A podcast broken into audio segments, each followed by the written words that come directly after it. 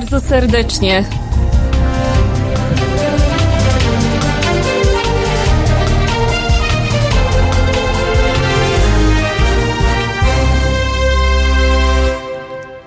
Z tej strony Agnieszka Żądło. E, dzisiaj prowadzę wyjątkowo z powodu mojej niedyspozycji audycję z domu.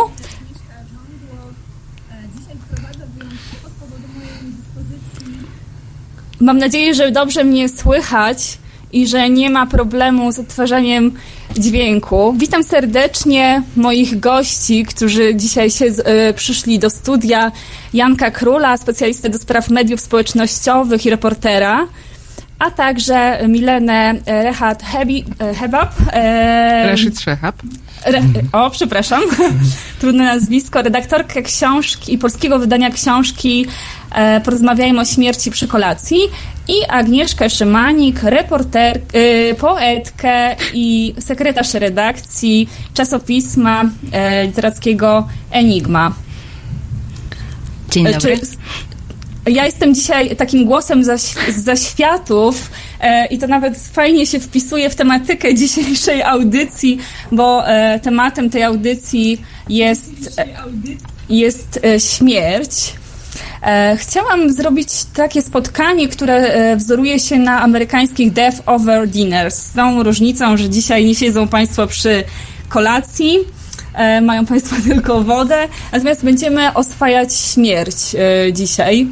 E, I chciałam zapytać Was właśnie, czy, czy Wy macie problem z tym, żeby mówić o śmierci?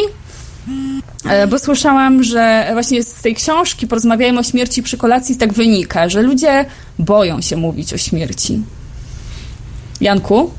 Ja mam zacząć. Mm, to, chciałbym się w takim razie najpierw przywitać, bo nie zacząłem od tego.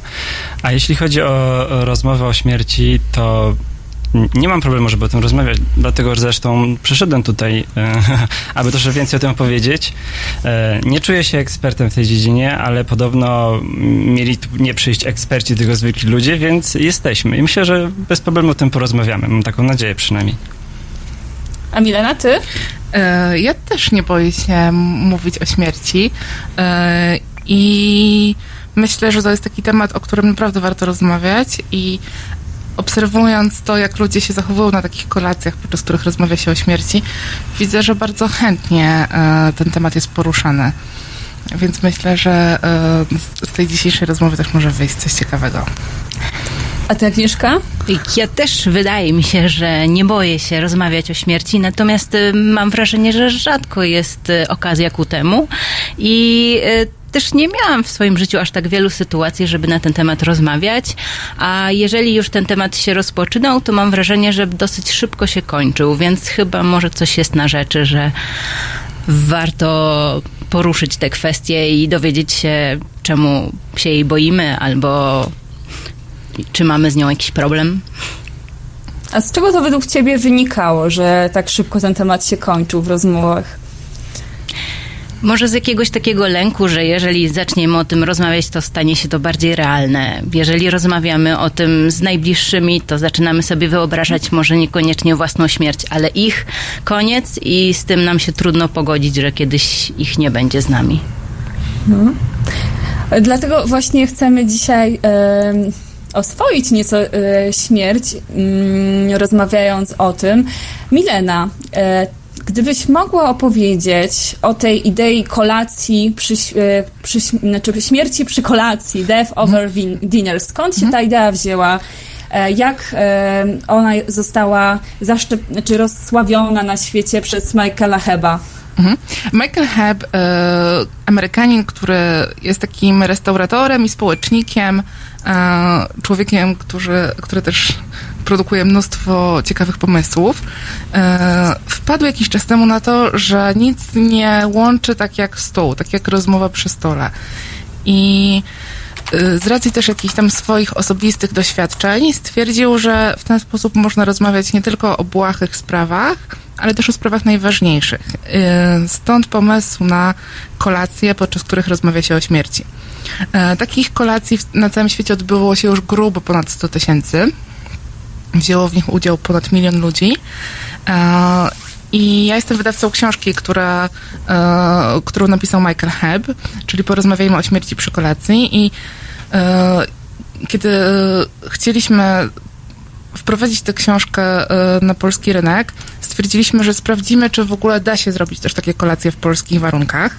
Poprosiliśmy e, dziennikarkę Krystynę Romanowską, e, żeby taką kolację poprowadziła.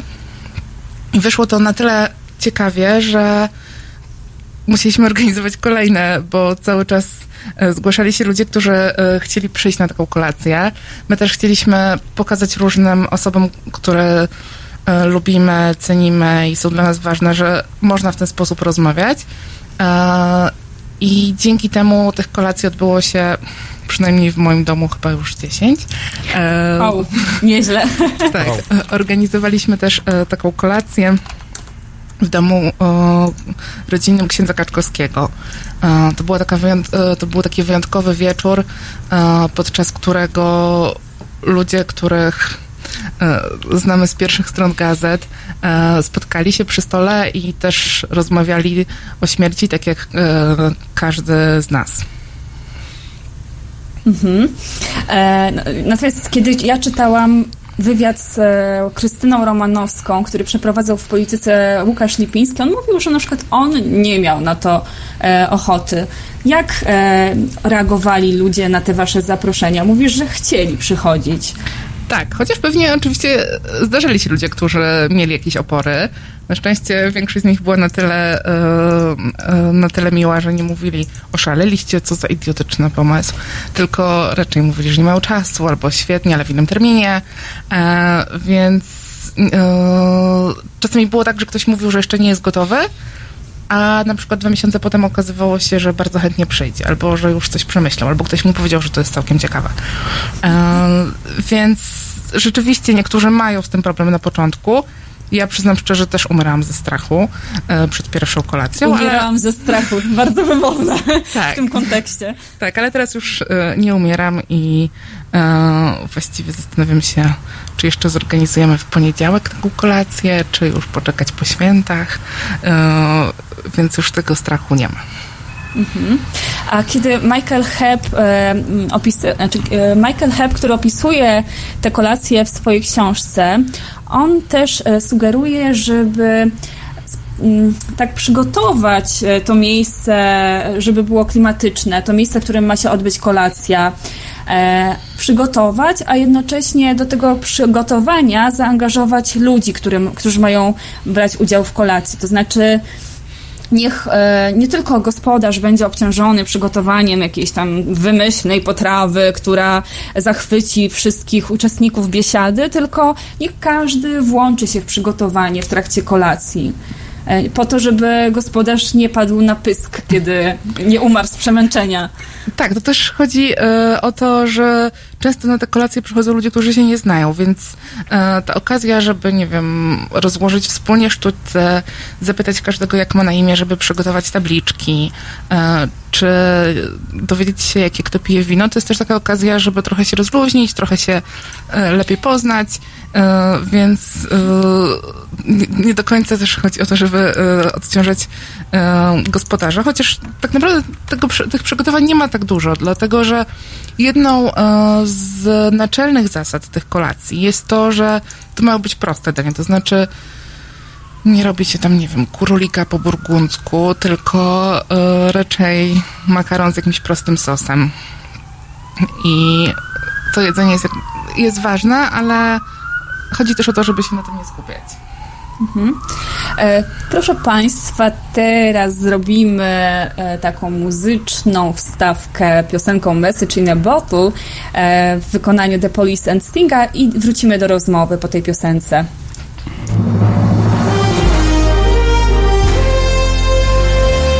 proste. Żeby robić medium prawdziwie obywatelskie, potrzebujemy Państwa stałego wsparcia finansowego. Szczegóły na naszej stronie www.halo.radio, w mobilnej aplikacji na Androida i iOS-a oraz na koncie Fundacji Obywatelskiej w serwisie www.patronite.pl. Naszym darczyniom i darczyńcom serdecznie dziękujemy. www.halo.radio. Słuchaj na żywo, a potem z podcastów.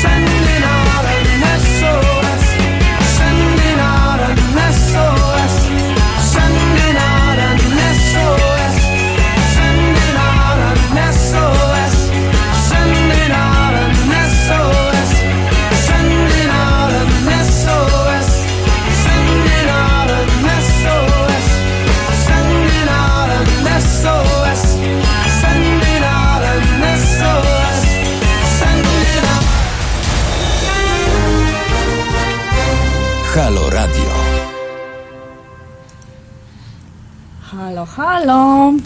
Witam ponownie, moi drodzy Państwo, i witam także moich gości w studiu, Janka Króla, Milenę Racit-Hebab i Agnieszkę Szymanik. Mam nadzieję, że tym razem, Milena, dobrze wymówiłam Twoje nazwisko. Prawie. Prawie.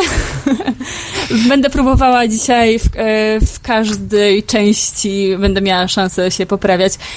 E, tak, temat e, tutaj Państwo komentują na naszym czacie na YouTubie e, i wyrażają swoje obawy, jeśli chodzi o śmierć. Pani Monika S. Ja się boję i nie ukrywam.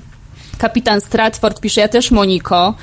E, i ja się wcale nie dziwię, że Państwo mają obawy. Wydaje mi się, że obawa w przypadku śmierci jest rzeczą e, jak najbardziej naturalną i takie e, uczucie e, jest na pewno e, czymś takim dość oczywistym i też tego uczucia obawy nie ma się co bać. Natomiast ja chciałam jeszcze zapytać e, Milenę o to, czy czy jest e, jakaś statystyka, ile już takich kolacji przy, o, y, związanych ze śmiercią odbyło się na świecie? Między 100 a 200 tysięcy. Wow. I w jakim to czasie? Od ilu lat odbywają się te kolacje? E, chyba od, e, od kilku lat, ale nie pamiętam dokładnie od ilu, czy od dziewięciu, Bo... czy od Ja 11. znalazłam gdzieś informację, że jeszcze, jeszcze dłużej trwają, natomiast Tak. książka powstała chyba dopiero w 2018 roku. Czy to mówimy o e, książce w wydaniu polskim, czy o tej e, amerykańskiej Nie, wersji? amerykańska wersja wyszła rok temu, e, polska miesiąc temu. Dobrze, słuchajcie, chciałabym wobec tego e, zapytać Was o tak, takie prywatne e, sprawy, to znaczy Waszą prywatną e, opinię nad tym, tak jak Janek powiedział, rozmawiamy z ludźmi, którzy mają swoje e, przemyślenia dotyczące śmierci. I też zachęcam Państwa, żeby Państwo komentowali, dzwonili do naszego studia i mówili nam, jak Państwo wyobrażają sobie śmierć. A, a moich gości chciałam zapytać, e, idąc trochę tropem, e, scenariuszem Michaela Heba e, i jego podpowiedziami do kolacji, e, do, do tych kola- Death Over Dinners, e, gdyby zostały Ci tylko 30 dni życia, jak byś je spędził, Janku? Jest to trudne pytanie i dość niespodziewane jak na tą porę i ten dzień, więc za 30 dni to co by było? Dzisiaj jest 29, tak? Czyli byłby 29 grudnia, byłbym dzień, dwa dni przed końcem roku. Hmm, pomyślmy. No, ostatnie 30 dni życia na pewno chciałbym spędzić tak jak nigdy nie spędziłem żadnych swoich dni, więc nie wiem, czy jest to oryginalne, ale na pewno y, zrobiłbym wszystko to, co bałem się zrobić do tej pory w swoim życiu. Pewnie powiedziałbym osobom, y, z którymi coś nie łączy takiego większego, to czego im nigdy nie powiedziałem. Myślę, że y, w 30 dni może byłoby trudno, ale postarałbym się napisać książkę. Zawsze chciałem to zrobić. E, no na razie tylko tyle przychodzi mi do głowy. Ciśnie mi się na usta złośliwość, chyba komiks. No, komiks to trzeba narysować, a napisać to, nie wiem, e, artykuł to już jest trochę za krótkie, ale książkę może taką cienką, taką na 30 stron dałoby mi się zrobić. Myślę, że w 30 dni porozmawiałbym z kimś, albo zdobyłbym jakiś materiał, żeby zrobić taką cieniutką książkę. No i myślę, że to by było dla mnie coś fajnego, ale tak jak mówię, najważniejsze, żeby porozmawiać z tymi bliskimi ludźmi i powiedzieć im to, czego im się nigdy nie powiedziało. I tak przez 30 dni byś mówił. Ja myślę, że w swoim życiu miałem na tyle dużo ludzi, żeby codziennie się spotkać z jedną taką osobą i z nią porozmawiać tak na poważnie i tak na spokojnie, bo na wariata to robić to jest chyba głupi pomysł. I mm, myślę, że tak, że te 30 dni by mi starczyło na takie 30 osób. Byłyby to, byłoby to 30 osób w moim życiu. Wow. A po drodze jeszcze byłyby święta. No, to może byłby problem ze spotkaniem się z niektórymi osobami, chociaż może by mnie zaprosiły wtedy do stołu, jakby wiedziały, że mam tylko kilka dni życia jeszcze, ale yy, no święta to też, no, no najpewniej z rodziną bym spędził, tak, no ale mówimy tutaj też o tym gronie osób, to też o rodzinie. I no, no to jest trudne pytanie, ale tak, 30 dni raczej z tymi osobami, tak, rozmowa, spotkania, no, no wiem, nic więcej nie dodam, chyba, że coś chcesz mnie jakoś zahaczyć o to. E, a może podpowiem tylko, jak na przykład pan Anatol Łuksza by spędził te 30 dni. E, pan Anatol e, przeznaczyłby to na balangę. E, z kolei pan kapitan Star, Sta, Stratford e, pisze, umarłbym pierwszego dnia w oczekiwaniu na 30 dzień. Milena, a ty? Mm, Ja chyba spędziłabym go tak zwyczajnie, chociaż też z bliskimi osobami. I przychylam się do tego, co powiedział Janek, że to jest taki dobry czas pewnie, żeby nadrobić zaległości emocjonalne i jeśli chodzi o relacje z różnymi osobami, które są dla nas ważne. E, Myślę, że e, też mogłabym urządzić jakąś imprezę. Taką, żeby się pożegnać z osobami, które lubię, z którymi nie zdążyłam przez 30 dni porozmawiać. Ale też mi się podoba ten pomysł z imprezą, tak no, ostatniego dnia, tak żeby już następnego obudził się, już bym się nie obudził nawet. Tak zaimprezować, że to już byłby koniec. To, Agnieszka, a ty? Ja myślę, że spędziłabym ten czas z najbliższymi i myślę, że chciałabym, żeby to było w jakimś miejscu, gdzie jest ciepło. Także myślę, że bym gdzieś e, wyjechała, może w kilka miejsc, jakby się udało, ale z pewnością nie sama, tylko mm, co najmniej w cztery osoby. Czyli razem z rodziną. To tak się wpisuje to, co mówicie e, w taki sondaż. Pamiętam kiedyś był, czego ludzie najbardziej żałują, kiedy umierają, kiedy mm, podsumowują swoje życie. I ludzie najczęściej mówili, że za mało czasu spędzali ze swoimi bliskimi. E, drodzy Państwo, jak Państwo spędziliby ostatnich 30 dni swojego życia? Jestem bardzo ciekawa. E, Pan Andrzej Mroczkowski utrudnia, utrudnia zadanie i mówi, ale dlaczego taki optymistyczny wariant zakładają rozmówcy w studiu? To przy, przypomnę, że to ja założyłam taki optymistyczny wariant. E, wariant. Załóżcie, że macie 15 minut życia. Co wówczas chcecie zrobić? No ja nie wiem, czy zdążyłby w ogóle stąd wybiec, więc 15 minut to trochę mało. No kwadrat... Tak, przypominam Państwu, że nasze studio znajduje się na bodajże trzecim piętrze. Tak, tak, więc trzeba zbiec. Można potem podbiec do tramwaju albo na przykład wyjść, nie wiem, można iść do sklepu, może bym coś tam kupił, ale nie wiem co jeszcze. Pewnie jakąś wódkę albo, nie, może lepiej nie. Po co kupować wódkę? Ma się 15 minut życia, to jest też nie mało. To raczej dobre wino. Tak, to nasze... Dobre wino, no. no, masz szczęście, że pod, y, pod naszym studiem są dwa sklepy spożywcze, więc y, byłoby łatwiej wpaść do jednego. No, no a w spożywczym, bo to spożywcze nie ale alkoholowe czy spożywcze, bo to też jest różnica, ale jeżeli to były spożywcze, no to wtedy może jakiś owoc bym kupił, którego dawno nie jadłem i chciałbym sobie ten smak tego owocu, owocu przypomnieć. A wy, y, dziewczyny, 15 minut życia i co wtedy? No to prawda, że nie znamy dnia ani godziny, także możemy ten czas skracać albo wydłużać sobie tutaj, tak jak rozmawiamy. E, ja myślę, że bym do kogoś zadzwoniła. Mm, także na pewno bym chciała ten czas spędzić na rozmowie. E, jeżeli Tak czy nie, siak. Czy to 30 dni, czy 15 minut? jeżeli nie udałoby mi się spotkać z kimś bliskim, no to przynajmniej w ten sposób.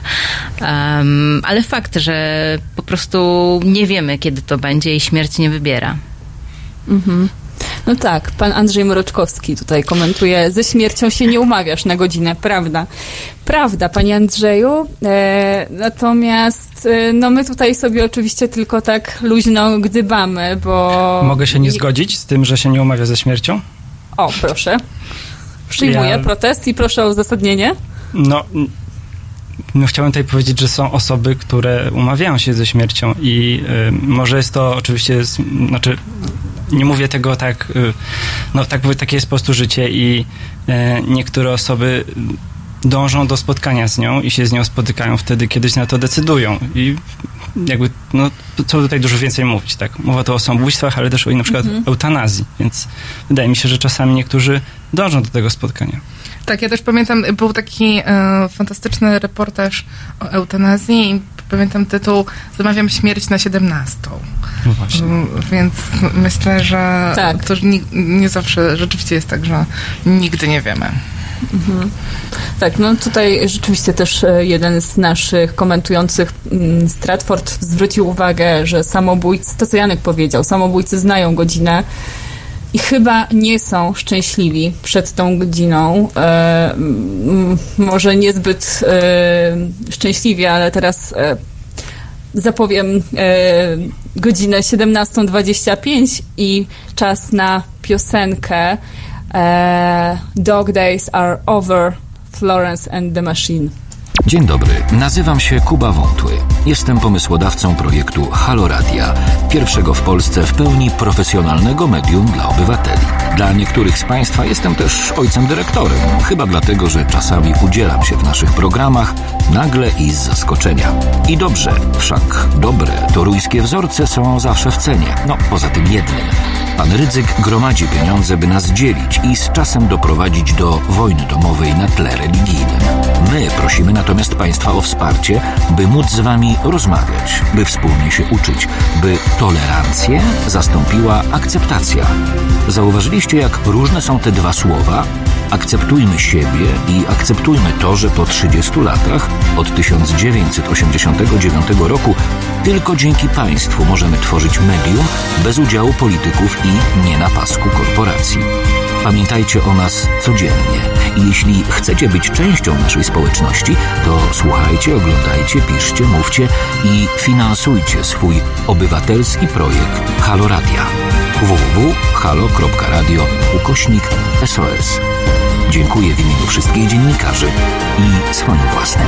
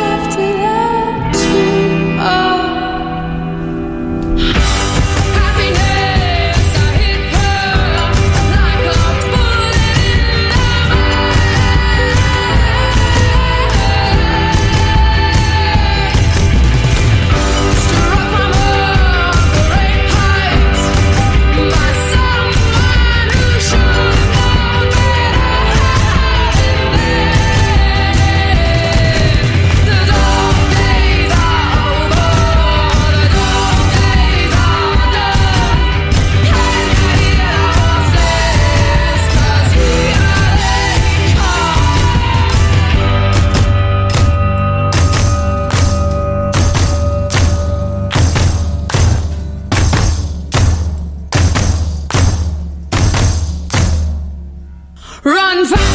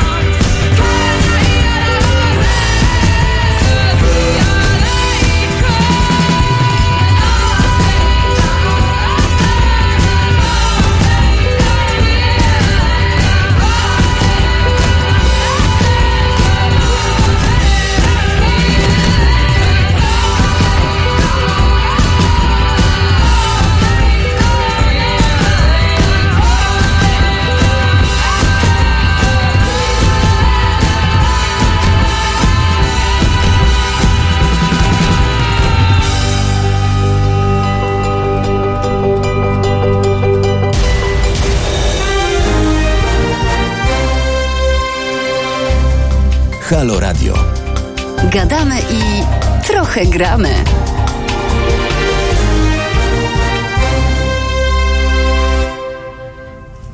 Drodzy słuchacze, drogie słuchaczki, witam po piosence w studiu e, Jan Król, Milena Rashid Szechab i Agnieszka Szymanik. Wracamy do tematu śmierci. E, I ja zadaję Państwu, moim gościom w studiu, takie pytania, które mam nadzieję, że również nasi słuchacze i nasi, nasze słuchaczki zadają sobie i mają okazję dzięki temu zastanowić się nad e, swoimi odpowiedziami. E, I bardzo podoba mi się e, też w kolacjach, e, w rozmawianiu e, o śmierci na kolacjach, to, że pada pytanie, co, czy, czy pamiętasz, co gotowała dla ciebie nieżyjąca już ukochana osoba? Bo ja sama mam takie wspomnienie mojej babci, która zmarła w tym roku, jej takich strasznie grubych naleśników z serem, strasznie tłustych. E, I przez to, że to jest moje takie wspomnienie z dzieciństwa, E, Ja nie lubię innych naleśników. Tylko toleruję te grube, właściwie to są bardziej omlety, które kojarzą mi się z domem mojej babci. E, A czy wy, moi drodzy goście, macie takie potrawy związane z osobami zmarłymi, e, które zapamiętaliście? Ja zapamiętałam no, też swoją babcię e, i to jak gotowała, może niekoniecznie konkretną potrawę, ale szereg różnych potraw, które były bardzo smaczne e, i które były takie typowo polskie, warszawskie mm, i mm, jakoś mam z nimi bardzo dobre wspomnienia, aczkolwiek rzadko, e, rzadko je jadam. Chociażby zupę dziadowską albo... Co to jest zupa dziadowska? Jak już Pierwsze nie masz słyszę. nic w domu, ale masz smalec, to możesz wyczarować zupę. Czyli wrzuca się do niej wszystko, co jest dostępne w lodówce. Mm, tak, ale babcia potrafiła to tak zrobić, że było smaczne. Wiadomo. U mnie się taka zupa nazywała e, zarzucajką, czyli wrzuca się wszystko, co jest, ale no też e, ta zarzucajka nie mogła być na przykład z nogi od krzesła zrobiona, tylko jednak miała jakieś określone składniki.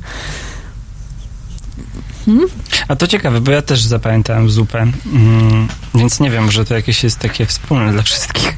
E, Ja zapamiętałem zupę grzybową, którą moja babcia robiła na e, Boże Narodzenie i ta zupa nigdy mi nie smakowała.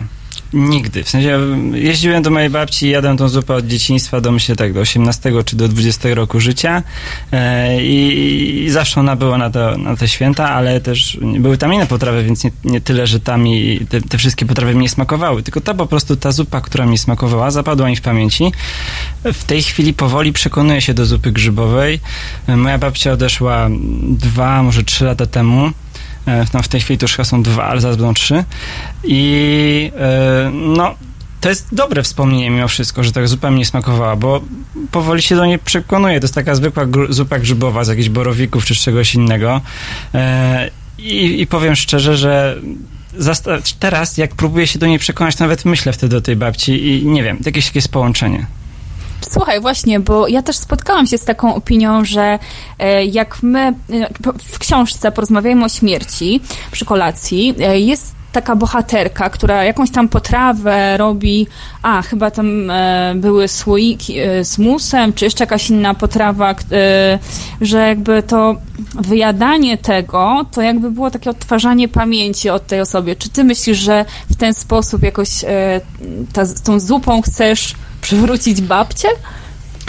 Nie myślę, że chcę przywrócić babci tą zupą, bo to Pamięć było absurdalne nawet.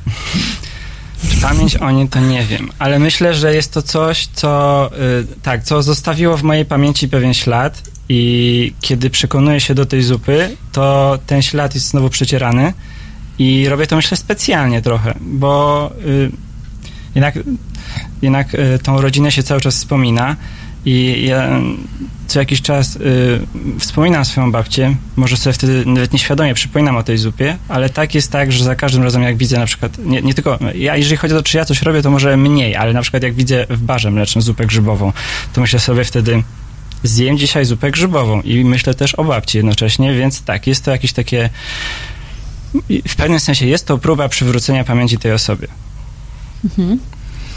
Jak Milena? powiedziałaś o naleśnikach, to też mi się przypomniały naleśniki mojej prababci, które uczyła mnie robić, jak byłam dzieckiem. I pamiętam, że robiło się je w ten sposób, że ona kroiła takie kawałki e, słoniny i e, e, nadziewało się je na widelec i tak się smarowało tym e, patelnię. E, I to były najprawdziwsze naleśniki, jakie pamiętam. I nic, nic właściwie nie zastąpi tego. A jeśli chodzi o moją mo- babcię, z którą też byłam bardzo związana, to e, ona zmarła niedługo przed Wigilią. I pamiętam taki popłoch w naszej rodzinie, czy mamy przepis na uszka, czy babcia zostawiła przepis na barszcz z uszkami e, wigilijny.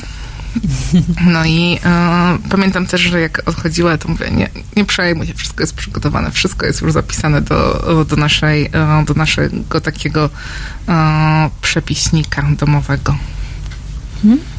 A macie takie potrawy, których właśnie ze względu na to, że. No bo umówmy się, umierają tylko. Bliscy nie zawsze są przez nas lubiani, ci, którzy umierają. Czy macie takie potrawy, które kojarzą się z, e, ze zmarłymi, a których właśnie przez to, że ich nie lubiliście, czy ten kontekst jedzenia tej potrawy był niefajny, to, to tych potraw nie jecie? Ja mam jedną taką potrawę, ale to pani, e, z którą mi się kojarzy, to ona żyje, więc nie wiem, czy mogę wspominać. ale, To, ale są to... ale kiedyś umrze. E, no cóż, e, tak. Jak każdy. Nie życzymy jej tego. Nie życzymy Nie, jej tego, nie, ale nie. to była taka historia, że jak byłam dzieckiem to, i umierała właśnie moja prababcia, to opiekowała się nami jedna pani i, e, i musieliśmy jeść takie ubijane e, kartofle, takie pire z ziemniaków. Kłopot polegał na tym, że było 35 stopni, one były bardzo gorące. E, no i tak całe lato, to mniej więcej co drugi dzień były, były te okropne, gorące kartofle i ja jakoś... A ona, to, było takie, to była taka starsza pani, która po prostu uważała, że nie wstaje się od stołu, dopóki się nie zje. Więc musieliśmy zawsze zjeść te okropne. E, znaczy one pewnie były bardzo dobre, tylko nie na ten upał. E, no i właśnie to jest jedno, jedyne chyba takie traumatyczne jedzenie, które mi się kojarzy.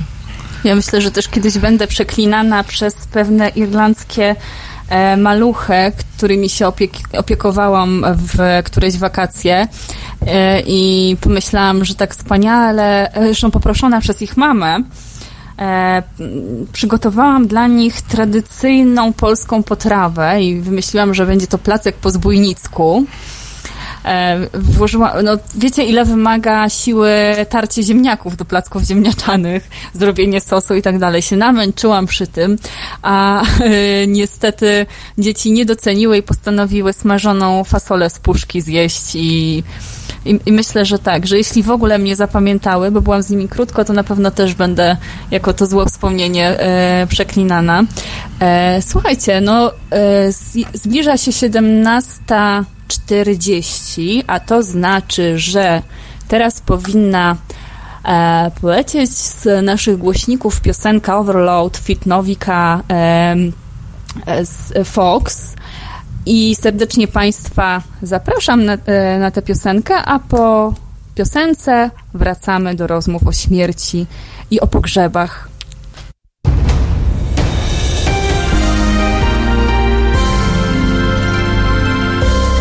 Czwartek Od 19 do 21. Muzyk, animator życia kulturalnego, społecznik, a przede wszystkim świadomy obywatel Tomek Końca i jego fantastyczni goście. 19.21. www.halo.radio. Słuchaj na żywo, a potem z podcastów.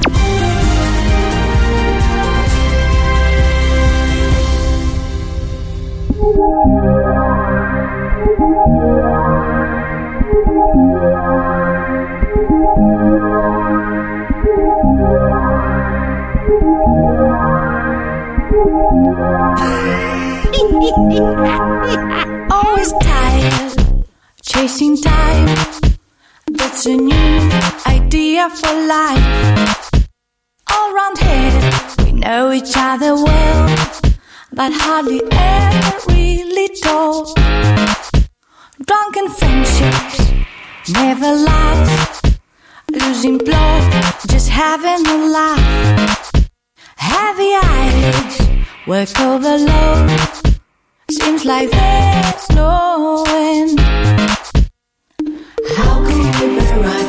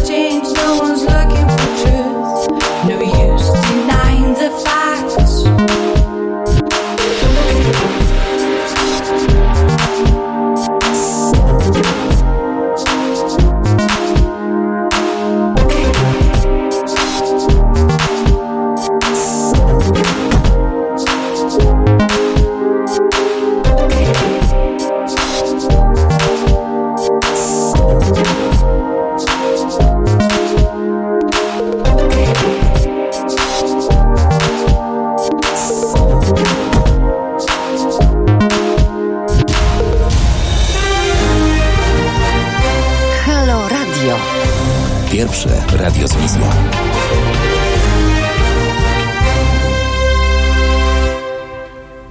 Siedemnasta czterdzieści pięć na zegarze. E, W moim studiu Jan Król, Milena Rashid Szechab i Agnieszka Szymanik. Porozmawiamy teraz o waszym wymarzonym pogrzebie. Super temat na piątkowy wieczór. E, Czy wy macie jakieś wyobrażenie swojego pogrzebu? Gdybyście mogli tak własny pogrzeb albo uroczystość pożegnalną zorganizować, jak by wyglądały? Wygląda, że ja mam to najlepiej przemyślane.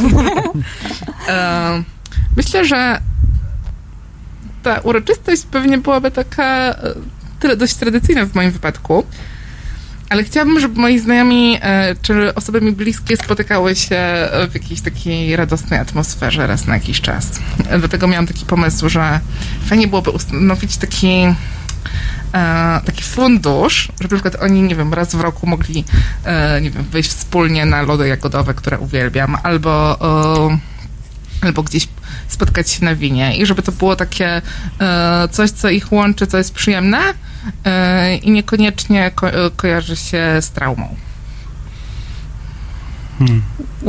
Ja bym chciała, żeby to nie zależało ode mnie, bo tak naprawdę uważam, że dla mnie to już nie będzie miało żadnego znaczenia, tylko od osób, które będą się tym zajmowały, od prawdopodobnie bliskich mi osób, żeby było im po prostu jak najwygodniej i dla nich e, e, tak, jak oni to uznają za stosowne. E, No ale nie chciałabyś e, e, sztucznych kwiatów. Jeżeli dla nich to będzie łatwe i wygodne, to Tak. proszę bardzo. Dla mnie to nie ma problemu. No, Jakby, jeżeli nie będzie dostępnych już prawdziwych, Nie, to ja proszę żadnych plastików, żadnych plastikowych kwiatów. A jakie masz jeszcze, Milena, wymagania? Nie, to Wobec- chyba tylko to. Tak? Tylko te sztuczne kwiaty. Tak, tak, chyba tak. A ja, a ja mógłbym nie mieć pogrzebu na przykład. A ja bym chciał być skremowany, żeby potem wyglądać jak taki piasek i najlepiej, żeby ktoś y, mi miły rozsypał mnie gdzieś w jakimś miejscu Polski. Wiem, że to jest nielegalne obecnie, ale może za te x lat, albo nawet x dni będzie to legalne. Y, I y, ale żeby jednocześnie tam, gdzie są groby moich, y, moich przodków, żeby też było wyryte moje imię i nazwisko, żeby zawsze można było mnie wspominać. Natomiast czy chciałbym z nimi leżeć? Myślę, że byłoby mi to obojętne po śmierci, ale bycie rozsypanym, mm, może jest trochę poetyckie, ale trochę jest takie w sumie po co my składamy tych ludzi wszystkich, y, te wszystkie ciała do, do tych cmentarzy i w te miejsca, tak naprawdę jest mi to obojętne, gdzie będę i y, jeżeli miałbym wybrać cmentarz na Brudnie, to wolałbym wybrać, nie wiem, na przykład y, Karkonosze albo Bieszczady. No to by było zdecydowanie lepsze dla mnie, albo właśnie być rozsypanym nad morzem. Ale tabliczka na brudnie. Tak, tabliczka na. Brudnie, a to dla wygody, bo pewnie rodzina będzie mieszkała w Warszawie, więc będzie mogła mieć blisko, podjeżdżać sobie, y, raczej nie musiałaby codziennie, ale raz w roku wystarczy. E, I tak, to by mi najbardziej odpowiadało, ale to tylko tak, wiecie, no kurczę, tak naprawdę co za różnica, w sensie ważne, żeby mnie pamiętali w tym sensie, jak- jaki ja byłem, a nie, że jest tabliczka o mnie, czy że zostałem rozsypany w Bieszczadach. Y, Nie ma to dla mnie znaczenia tak naprawdę. Ale na tej tabliczce byłoby napisane, że e, tu nie leży e, Janek Król, Tak, bo to by- został rozsypany w Bieszczadach. To by mi się, tak, to, tak, tu nie leży Janek Król, tak mogło być. Nie musiał być podkreślone, gdzie został rozsypany, żeby policja nie ścigała moich bliskich, ale tak, to jest ciekawy pomysł. Ale może do tego czasu już będzie to legalne i będzie można rozsypywać prochy w dowolnym miejscu. Mm, Jak, jeśli byłoby to legalne, znaczy podejrzewam, że tak nie będzie, ale jeśli były to legalne, to yy, zastanawiałem się w życiu, gdzie bym chciał być rozsypany. E, myślę, że gdzieś w Polsce, może w jakimś miejscu, które jest mi bliskie ze względu na to, co tam się wydarzyło w moim życiu. E, na razie dużo się wydarzyło w Warszawie, więc nie wiem, czy to jest dobry pomysł, żeby rozsypywano mi na ulicy Grochowskiej, ale tak jakieś może Mazury. Mazury są takie, myślę, że takim miejscem dla mnie szczególnym ze względu na to, że są po prostu piękne i tam jakąś poznałem taką, mm, takie piękno przyrody i to jest takie dobre miejsce mm, dla mnie. Ale wiesz co, ja znam człowieka, który rozsypał prochy pewnej ważnej dla niego osoby e, z mostu Łazienkowskiego. A nie, przepraszam, to był most e, Poniatowskiego. Poniatowski też jest mi bliski. Czyli jak rozumiem, został rozsypany do Wisły. Tak, ale nielegalnie. No, no, rozumiem. W Wiśle różne rzeczy są. Nie wiem, czy chciałbym się tam znaleźć razem z nimi. E, Grochowska też nie wydaje mi się na tyle ciekawym pomysłem, ale rozumiem to bardzo dobrze, że ktoś chciał być rozsypany na moście Poniatowskiego. E, Pan Andrzej Mroczkowski zwraca tutaj uwagę, że najfajniejszy pogrzeb, jaki widział, to pożegnanie prochów na filmie Kiedy odejdą wody. E, Część prochów wypito omyłkowo jako kawę, resztę rozsypano nad wielkim e, kanionem. E, Czy wy, jeszcze chciałam dopytać szczegółowo, jak, czy macie jeszcze jakieś inne wymagania dotyczące pogrzebu i czy w ogóle o tych swoich pomysłach na pogrzeb mówiliście kiedykolwiek swoim bliskim? Czy dzisiaj jest ta inauguracja? Ja jeszcze nikomu nie mówiłam, ale y, jeśli byłoby to możliwe, to chciałabym, żeby po prostu, nie wiem, moje ciało, części moje ciała zostały przekazane innym osobom, żeby w jakimś sposób y, im pomóc, e, żeby medycyna im mogła pomóc, e, lekarze. Natomiast y, nie wiem, czy to będzie możliwe e, i myślę, że to jest jedyna rzecz, na której mi by zależało.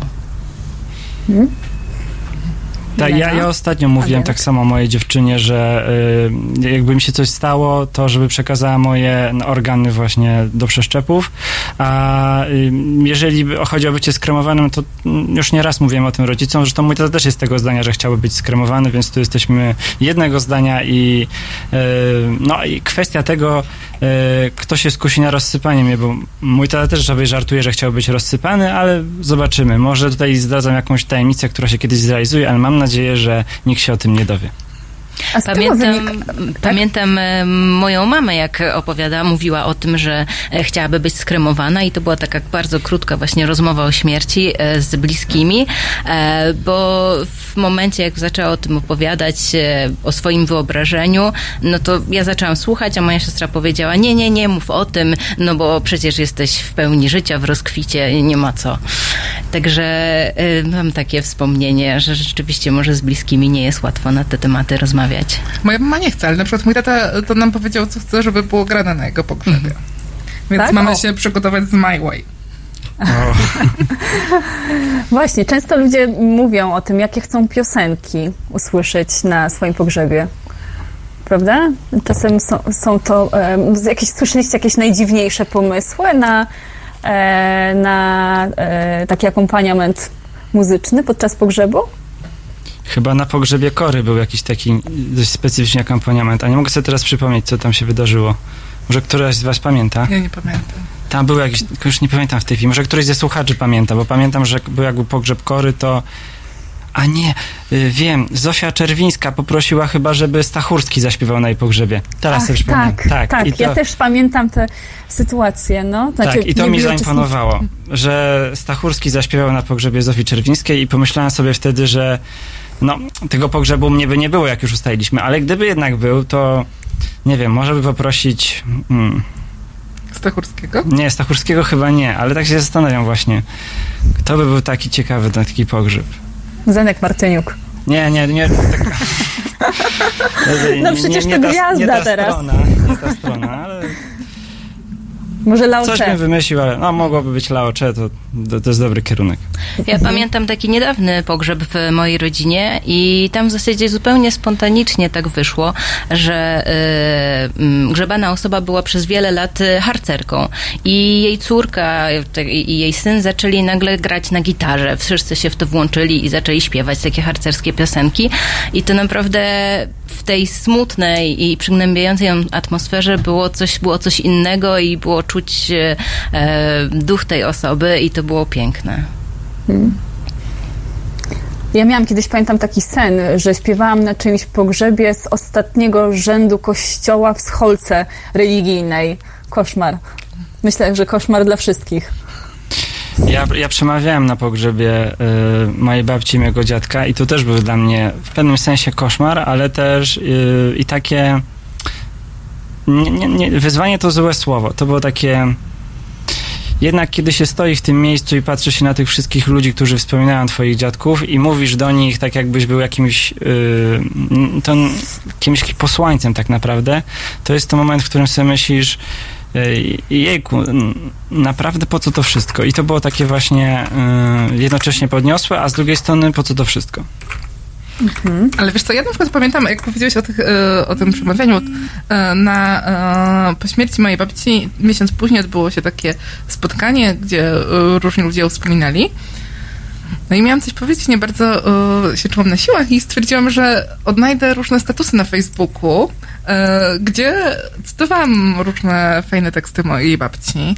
I to było naprawdę cudowne, bo po prostu przypominaliśmy sobie jej śmieszne powiedzonka, albo nie wiem, jakieś takie żarty, które miała i to było naprawdę absolutnie cudowne. My teraz y, jednak wrócimy do tematu muzyki i zagra nam Chick z piosenką, e, piosenkę I Want Your Love.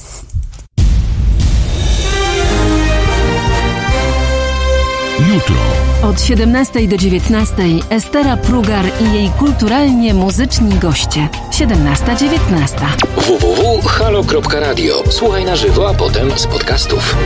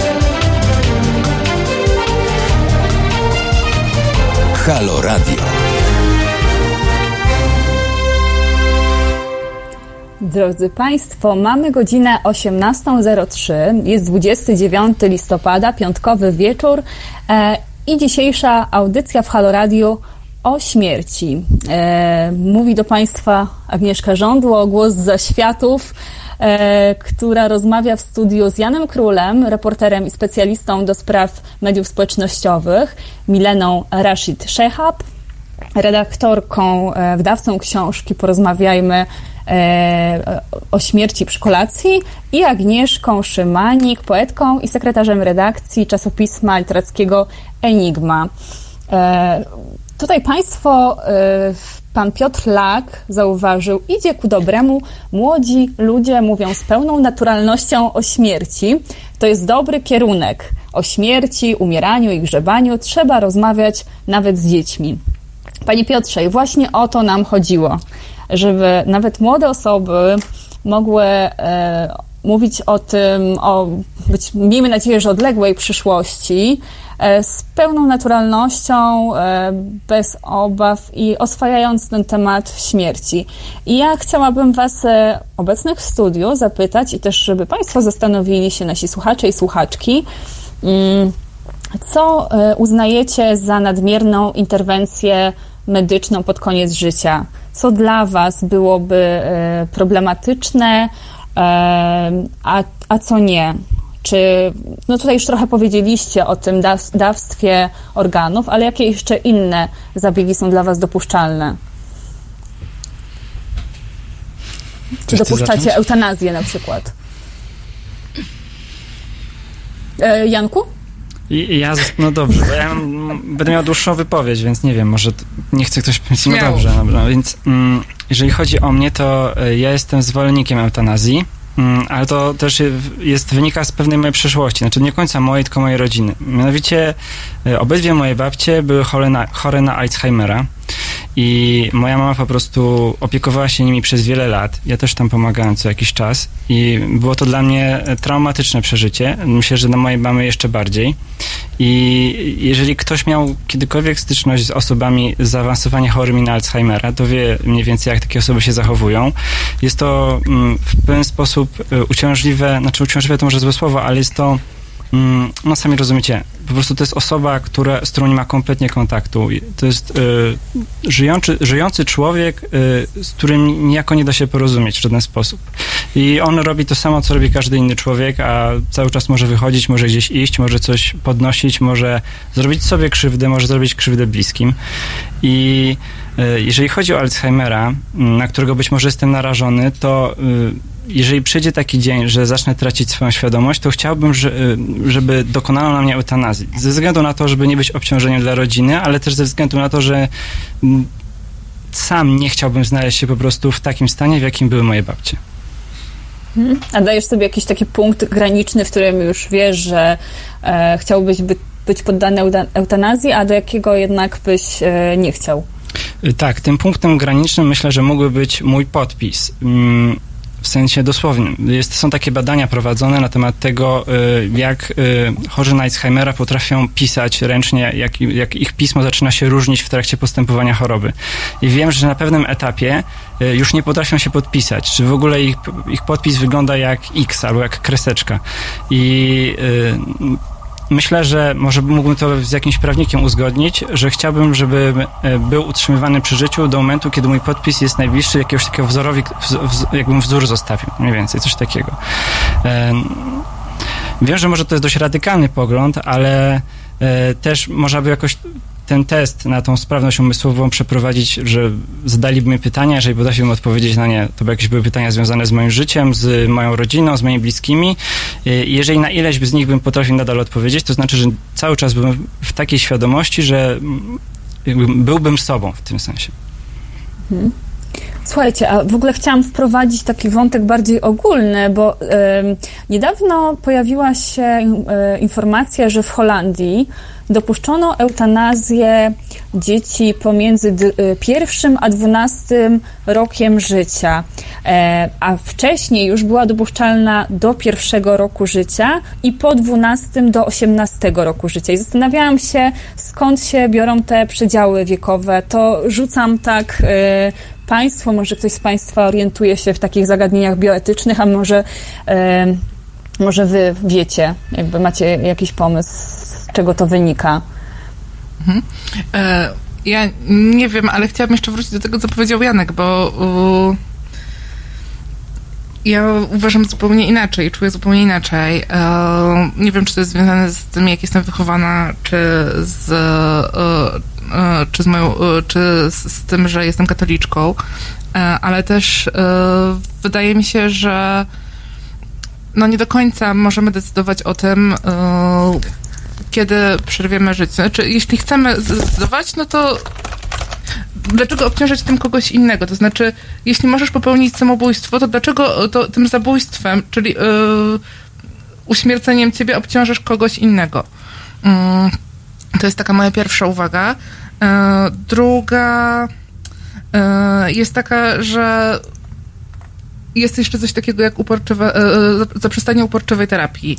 I to jest coś, co, e, co, e, co wydaje mi się, że jest okej. To znaczy, jeśli przedłużanie życia powoduje, że ktoś cierpi i że nie ma to żadnego sensu, no to to jest jakaś bardzo wyraź, wyraźna granica i wydaje mi się, że ona jest dużo, dużo wyraźniej postawiona niż na przykład kwestia podpisu, no bo nie wiem, możesz mieć, możesz nie umieć się podpisać, ale cały czas Oczywiście Możesz czuć, że twoje życie jest warte. Masz rację, Tego- dlatego też powiedziałem o tym teście mniej więcej takiej ze swojej świadomości, tak, no bo e, nie chciałbym oczywiście innych ludzi obciążać, szczególnie rodziny obciążać tą decyzją, e, dlatego myślę tu o jakimś rozwiązaniu prawnym, ale też popełnienie, samym, e, popełnienie samobójstwa może być o tyle trudne, że już dojdę w tym mm, swoim stanie do takiego momentu, że nie będę w stanie nawet popełnić tego samobójstwa, dlatego wolałbym to rozwiązać jakoś prawnie, dlatego też jestem zwolennikiem eutanazji, e, jeżeli chodzi o jakąś decyzję innych osób w tej kwestii, no to jeżeli ja bym wcześniej już na zaś miał przygotowane jakieś procedury w tej kwestii, to wydaje mi się, że no, chciałem po prostu, żeby moi bliscy się z tym pogodzili, że tak zdecydowałem, żeby uszanowali ten wybór. Mi się wydaje, że mm, po prostu przez całe życie się zmieniamy i też nasze podejście do życia się zmienia, a także to, jak bardzo kurczowo trzymamy się tego życia lub nie. Także może być tak, że w tym momencie wydaje się jedno, a potem zacznie się wydawać coś innego i być może nie zdążymy zmienić swojej decyzji. A też e, jeszcze jest kwestia instynktu samozachowawczego, e, instynktu, który każdy z nas ma i, i, i, w pewnych chwilach on się po prostu tak nagle pojawia, nawet byśmy się nie podejrzewali, że e, nie wiem, po tym, jak mieliśmy myśli samobójcze, to jednak chcemy się trzymać tego życia mimo wszystko. E, także no to są bardzo takie trudne kwestie. Wiadomo, rozmawiamy właśnie o takich problematycznych kwestiach i e, dlatego też może na samym początku tak bardzo się zawahałam, jak odpowiedzieć Agnieszko na twoje pytanie. E, a już kwestia eutanazji e, związanej z dziećmi i, i tych mm, przedziałów wiekowych. Nie wiem, czy, czy jesteśmy przygotowani na tę dyskusję w tym momencie. Ja się poddaję. E, Dlatego odwołałam się do słuchaczy, bo może ktoś z Państwa po prostu bardziej się orientuje i ma wiedzę na, na ten te, e, temat. Jeśli tak, to, to czekamy na takie informacje telefonicznie, bo mimo, że nie jestem dzisiaj obecna w studiu fizycznie, to przypominam Państwu, że można e, dzwonić na naszą antenę i można też e, ten numer telefonu, momencik, zaraz Państwu podam, e, tak, na antenę numer telefonu 22 39 059 22 e, można dzwonić, a teraz piosenka w kontrze trochę do tego, o czym rozmawialiśmy, Young and Beautiful, Lany Del Rey.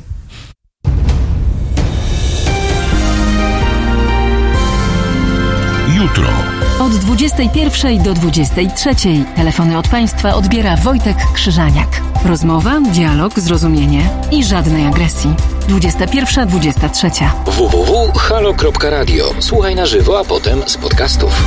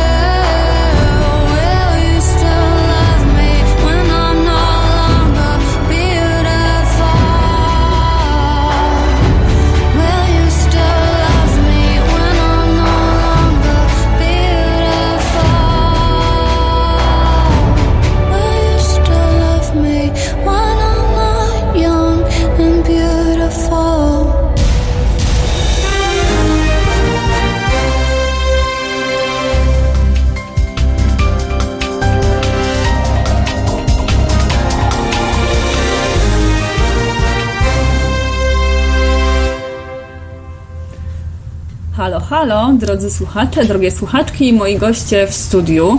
E, Przed piosenką Lany Del Rey rozmawialiśmy o eutanazji i ja e, w trakcie piosenki sprawdziłam sobie e, informację dotyczącą właśnie tych przepisów, które są w Holandii.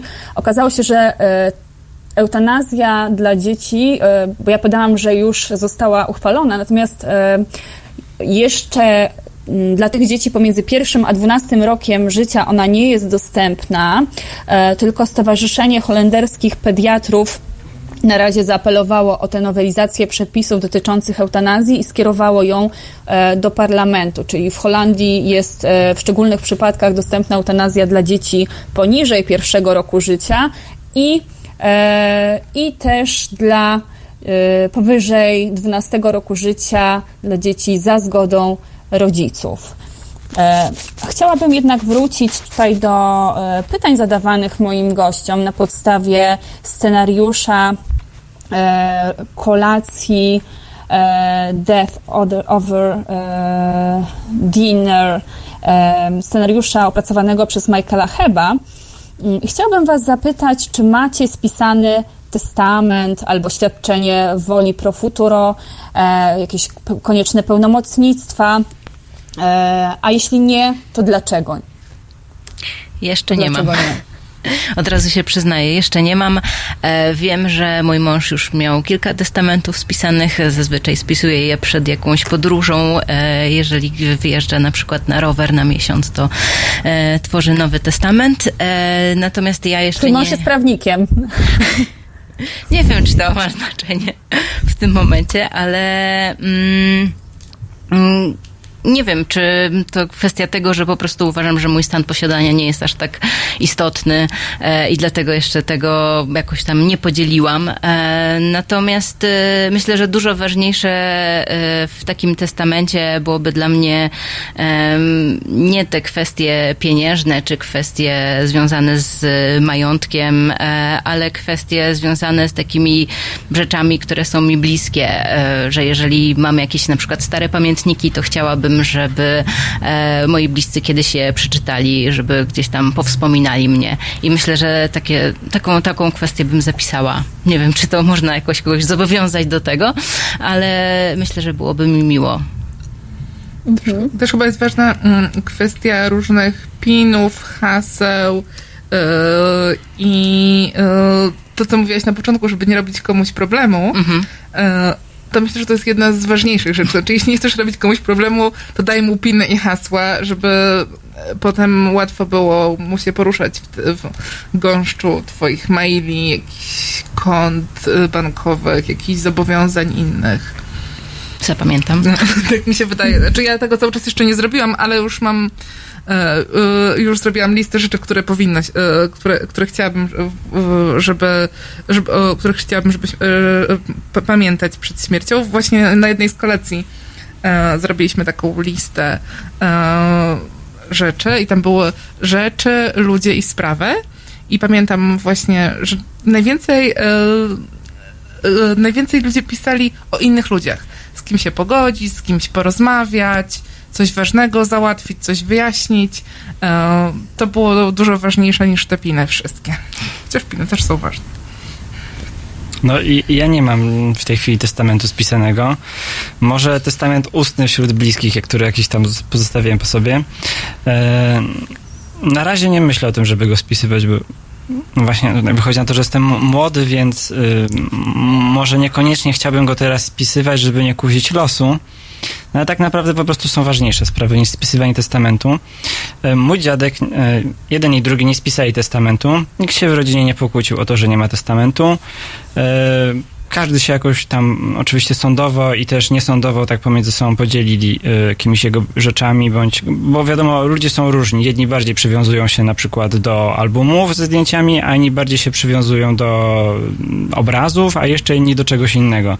E, No i w, w mojej rodzinie było tak, że y, nie pytaliśmy się po prostu, kto, kto chciałby coś wziąć po, swo, po, naszy, po, po babci, po dziadku i, i, i każdy coś wybrał. I w sumie to takie rozwiązanie też mi się wydaje dobre, bo może nie, mam nadzieję, żeby się udało uniknąć konfliktów, e, ale wtedy jest taka dowolność tego, że jeżeli ktoś po mnie chciałby wziąć książki, które ja, ja kupowałem całe życie i mam mieć całe regały, to wtedy wziąłby te książki, a jak ktoś nie czyta książek, to wziąłby coś innego i to wydaje mi się dość sensowne. Mhm. Ja pamiętam taki, e, taki reportaż Rafała Grąckiego, e, chyba to 32 żelazka po dziadku. 42 żelazka po dziadku, A, chyba taki no był tak, tytuł. Pomyliłam o 10. 42 żelazka i tam była mowa właśnie o przedmiotach e, właśnie istotnych, które odziedziczyli ludzie po swoich bliskich. E, I tam na przykład była taka ciekawa e, bohaterka, która odziedziczyła po swojej chyba babci e, jakiś obraz religijny i mimo że ten obraz był, e, że ona była niewierząca, to ten obraz wisiał u niej w jakimś centralnym miejscu ze względu na, na pamięć o tej babci. Czy wy macie w swoim życiu takie pamiątki po bliskich, które, które no, pełnią, które trzymacie w jakimś ważnym miejscu, które dla was są symboliczne? Po zmarłych bliskich. Znów mam wywoływać po kolei, tak? Palcem nie mogę pokazać, kto ma odpowiadać, więc zapytam Agnieszko. Zastanawiam się, czy rzeczywiście tak próbuję umiejscowiać w przestrzeni, czy jest takie, takie miejsce, gdzie, gdzie, gdzie trzymam takie e, ważne pamiątki po bliskich. Em, nie potrafię sobie uzmysłowić takiego miejsca, natomiast e, wiem, że mm, Jestem w posiadaniu kilku e, zeszytów z wierszami mojej babci e, i czasem do tego wracam i sobie e, je czytam. E, ale tak naprawdę chyba dużo ważniejsze jest to, co mam w głowie, w tym sensie, że na przykład e, może nie mam fizycznie żadnej pamiątki po dziadku, e, ale pamiętam trochę piosenek, które śpiewał, a miał bardzo przyjemny, subtelny głos i, i em, czasami, kiedy, kiedy sama ja śpiewam te piosenki, to mi się właśnie przypomina e, dziadek, także... Mm, może niekoniecznie musi to być coś e, rzeczywiście realnego, rzeczywistego, co, co można dotknąć. E, I e, my- przypominam sobie też taką sytuację, e, że kiedy próbowałam sobie poradzić ze śmiercią babci, e, to przygotowałam coś w rodzaju reportażu radiowego. To była rozmowa z różnymi członkami mojej rodziny, e, właśnie na temat babci, na temat jej życia, historyjek z życia. I, I to jest taką bardzo fajną pamiątką, w której chociaż nie ma nawet głosu babci, to, to jest ta pamięć zawarta, pamięć, która jest bardzo też złudna, co, co, co było dla mnie ciekawe w e, tym całym doświadczeniu, że Pamiętaliśmy te same historie, ale pamiętaliśmy je w różny sposób e, i, i to wszystko zostało zarejestrowane. E, także, także to też jest taka pamiątka, która nie jest mm, jakby bezpośrednio aż tak fizycznie związana z nią, no bo ona nigdy nie miała z tym reportażem do czynienia, ale, ale jest naszym hołdem i naszą pamięcią o niej. A mogłabyś podać przykład takiej rozbieżności, co, co konkretnie e, inaczej zapamiętaliście? Inaczej zapamiętaliśmy e, pewne e, daty, co w którym momencie się działo, e, w którym momencie, nie wiem, babcia wzięła ślub jako bardzo młoda dziewczyna, ale czy miała 19 lat, czy 17, to e, już e, lu- ludzie e, z rodziny różnie opowiadali. Albo e, były też historyjki, których e, wydawało mi się, że w zasadzie niemal każdą historyjkę, którą ona opowiadała, ja kojarzę czy znam, a były też historyjki, które dopiero właśnie wtedy e, poznałam. Jak to babcia pewnego razu chciała nauczyć swoich wnuków, jak być e, grzecznym, więc schowała się w piwnicy, przebrała się za e, babę Jagę i e, postanowiła ich nastraszyć i rzeczywiście tak się nie poznali jej kompletnie, na, nastraszyła ich totalnie i i cóż, i od tej pory przynajmniej przez jakiś czas się słuchali. Mhm. To teraz w takim razie nie Crazy Grandmother, but Crazy Love e, w wykonaniu Vana Morrisona, a wcześniej zapowiedź audycji jutrzejszej Marty Woźniak.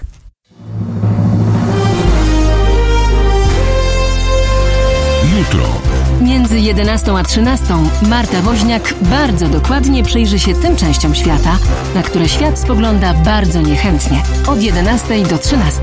www.halo.radio. Słuchaj na żywo, a potem z podcastów. I can hear her heartbeat from a thousand miles. Yeah, the heavens open every time she smiles.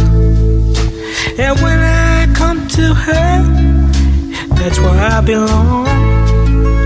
Yet I run into her like a river song. She gave me love, love, love, love, crazy love. She gave me love, love, love, love, crazy love. She got a fine sense of humor when I'm feeling low down. Yeah, when I come to her when the sun goes down. Take away my trouble, take away my grief, take away my heartache in a night like a thief. She gave me love, love, love, love, crazy love. She gave me love, love, crazy. Yeah, I need her in the daytime. Yeah, I need her in the night. I need her. Yeah, I wanna throw my arms around her. I need her. And kiss and hug her, kiss and hug her tight. Yeah, when I'm returning from so far away. She gave me some sweet loving, brighten up my day. Yeah, it make me righteous, yeah, it make me whole. Yeah, it make me mellow down into my soul. She gave me love, love, love, love, crazy love. She gave me love, love, love, love, crazy love.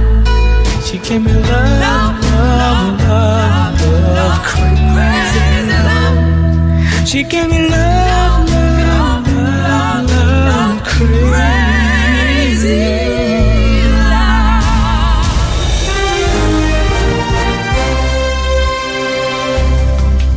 Halo Radio. Pierwsze medium obywatelskie.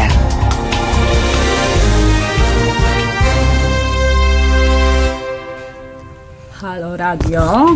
Halo, halo. E, tu Agnieszka Żądło, e, nadająca dzisiaj wyjątkowo z domu, a w studiu moi goście, z którymi mam przyjemność rozmawiać o śmierci. E, Janku, przed e, piosenką nie miałeś okazji powiedzieć o tych e, przedmiotach związanych z bliskimi osobami.